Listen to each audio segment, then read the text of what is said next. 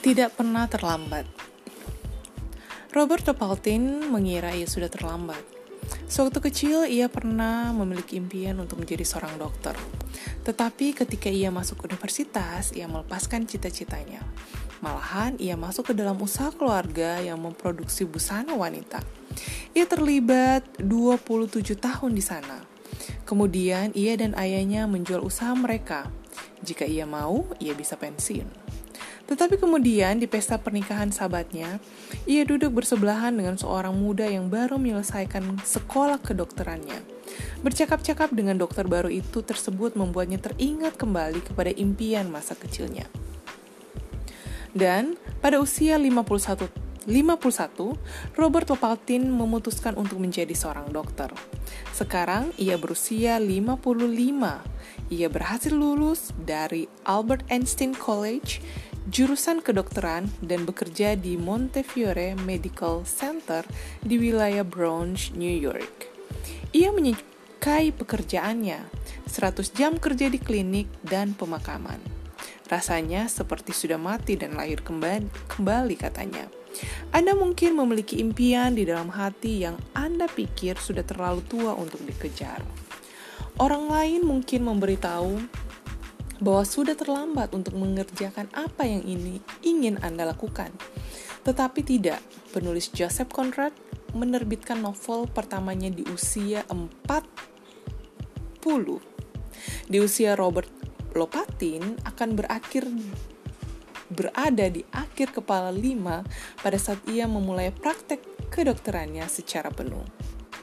Seni Wati Grandma Moses mulai melukis pada saat berumur 75 tahun dan ia menikmati 26 tahun kesuksesan karirnya. Kejarlah mimpi Anda, tidak peduli betapapun jauh kelihatannya. Pelajaran untuk sukses. Bayangkanlah pengejaran terhadap impian Anda seperti kejuaraan atletik yang besar. Berlatihlah untuk peristiwa penting tersebut saat Anda mempersiapkan diri dan berlatih, Anda akan lebih kuat mental, emosi, dan fisik. Untuk meraih impian Anda dengan sukses, Anda harus tetap meningkatkan diri. Cara terbaik untuk melakukannya adalah dengan menjaga tubuh Anda prima, menjaga hati Anda fleksibel, menjaga pikiran Anda terbuka, memperluas area keamanan Anda. Semua orang bisa menjadi hebat, sebab setiap orang bisa melayani. Anda tidak harus memiliki gelar sarjana untuk melayani.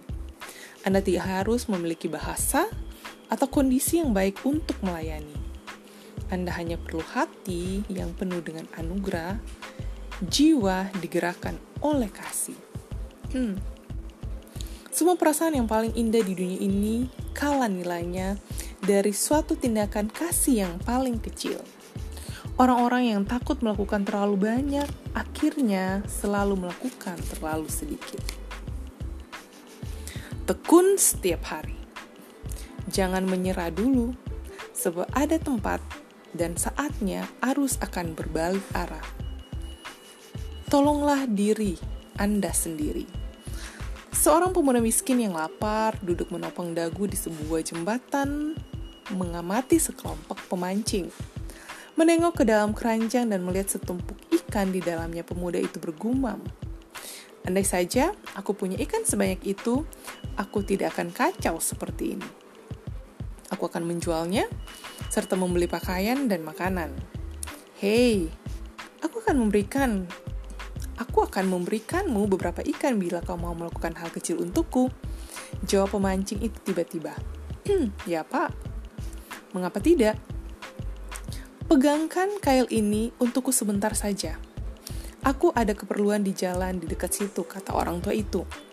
Pemuda itu dengan senang menerima tawarannya. Saat ia merentakan kail orang tua itu, ada ikan yang menggigitnya, dan ia menangkap ikan demi ikan. Tak lama kemudian wajahnya terlihat tersenyum, menikmati kegiatannya. Ketika orang tua itu kembali, ia berkata, "Aku akan memberimu ikan yang kujanjikan." Nah, ambillah semua ikan yang telah kau tangkapkan untukku. Tetapi aku juga ingin memberimu sedikit nasihat. Lain kali, ketika kau membutuhkan sesuatu, jangan membuang waktu, melamun, dan berharap sesuatu akan terjadi.